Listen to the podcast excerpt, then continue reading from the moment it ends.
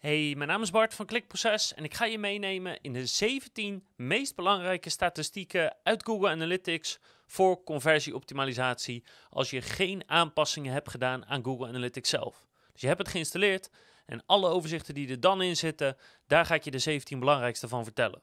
Welkom bij Klikproces met informatie voor betere rankings, meer bezoekers en een hogere omzet. Elke werkdag praktisch advies voor meer organische groei via SEO, CRO, YouTube en Voice. Dit wordt dus de beknopte uitleg waar we snel doorheen gaan. Ik heb ook al een video online staan en dan, die duurt ruim een uur. En dan ga ik precies een standaard installatie van Google Analytics met je doornemen. En hoe je elk tapje, elk dingetje kan gebruiken voor conversieoptimalisatie of wat je ervan kan leren. Met natuurlijk live voorbeelden. Dus dan kan je echt met me meekijken. Hoe klik je overal doorheen en wat kan je ervan leren? En ook hoe kan je meerdere uh, datapunten met elkaar verbinden om op die manier nog betere resultaten te krijgen of nog beter te snappen waar de conversie niet lekker werkt. Dat is allemaal met een standaard installatie van Google Analytics. Dus daar heb je niks extra's of, of uh, moeilijke dingen voor nodig. En het is natuurlijk helemaal gratis, want het staat gewoon op YouTube. Dus als je de uitgebreide uitleg wil, zou ik die zeker gaan kijken. Nou, deze 17 belangrijkste statistieken, die geven je of een goede indicatie waar iets waarschijnlijk niet helemaal goed zit, of juist wel heel erg goed zit.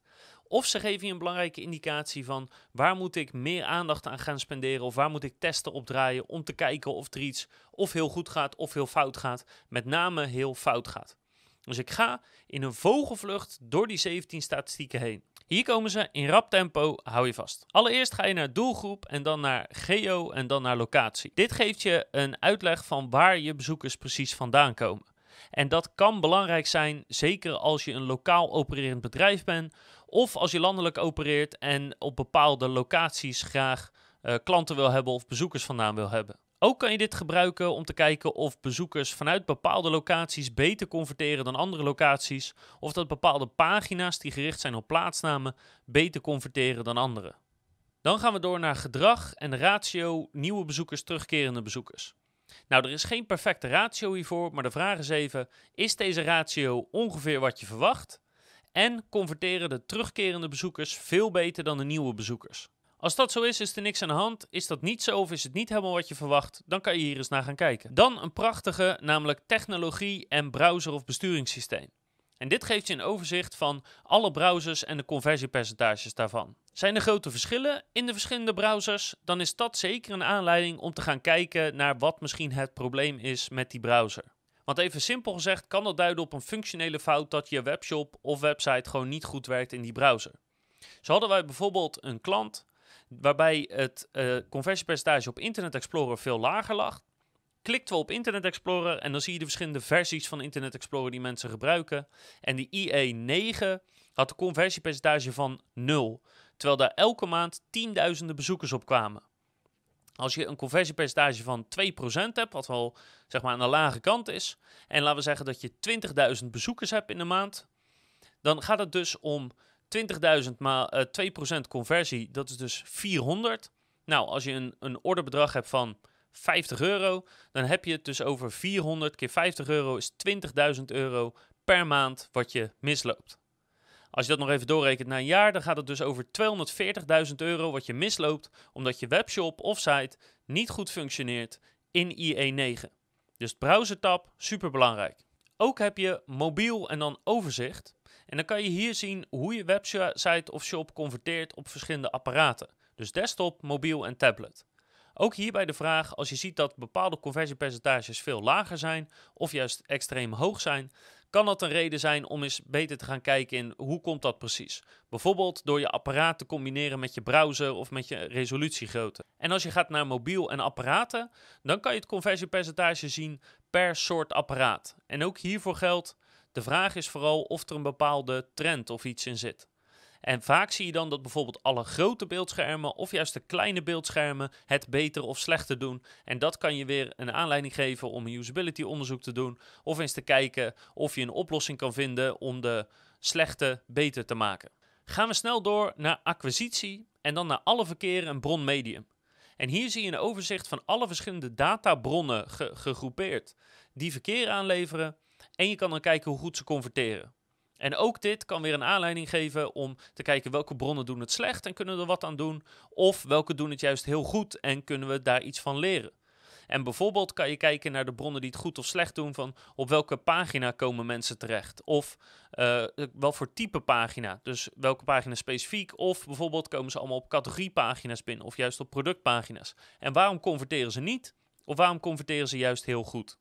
Nou, in dit tab staat ook een koppeling met Google Ads uh, en met Google Search Console. Alleen die koppelingen moet je wel aanzetten. Staat dus niet standaard aan, dus die ga ik voor deze even overslaan. Maar mocht je wel koppelingen hebben met je Google Ads of met je Google Search Console, dan zijn dat ook tabjes waar je heel veel van kan leren. Gaan we door naar gedrag, site content, alle pagina's. En dan krijg je te zien welke pagina's op je site of shop het meest worden bezocht.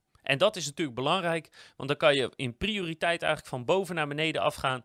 Kloppen alle pagina's, zitten ze goed in elkaar, kunnen bezoekers hier vinden wat ze zoeken. Datzelfde geldt als je iets naar beneden gaat naar site content dan bestemmingspagina's. Dat zijn de pagina's waar mensen als eerste terecht opkomen, waar ze dan ook vandaan komen. Dus uit Google, uit je e-mailcampagne, uit je Facebook ads. Op welke pagina komen ze als eerste terecht en hoe goed converteert uiteindelijk die bezoeker?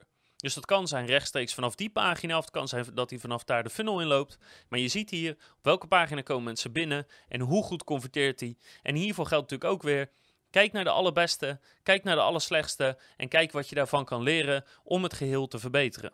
Wat vaak hierbij helpt is door je zwakke bestemmingspagina's bijvoorbeeld weer op te splitsen in browser of in apparaat. Dat leert je heel vaak over functionele fouten die misschien op die pagina's zitten waardoor die niet goed werkt en mensen niet kunnen converteren. Daarnaast kan je ook nog naar site content en dan uitstappagina's gaan. Ja, en de naam zegt het al, vanaf welke pagina's verlaten mensen je website of shop.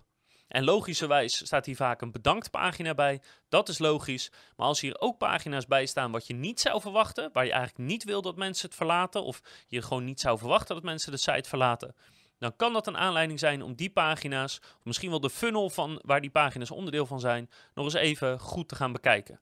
En ook dit kan je weer combineren met bijvoorbeeld browser of soort apparaat om meer te ontdekken over welk voor soort mensen of, of uh, van welk type apparaat haken mensen het meeste af.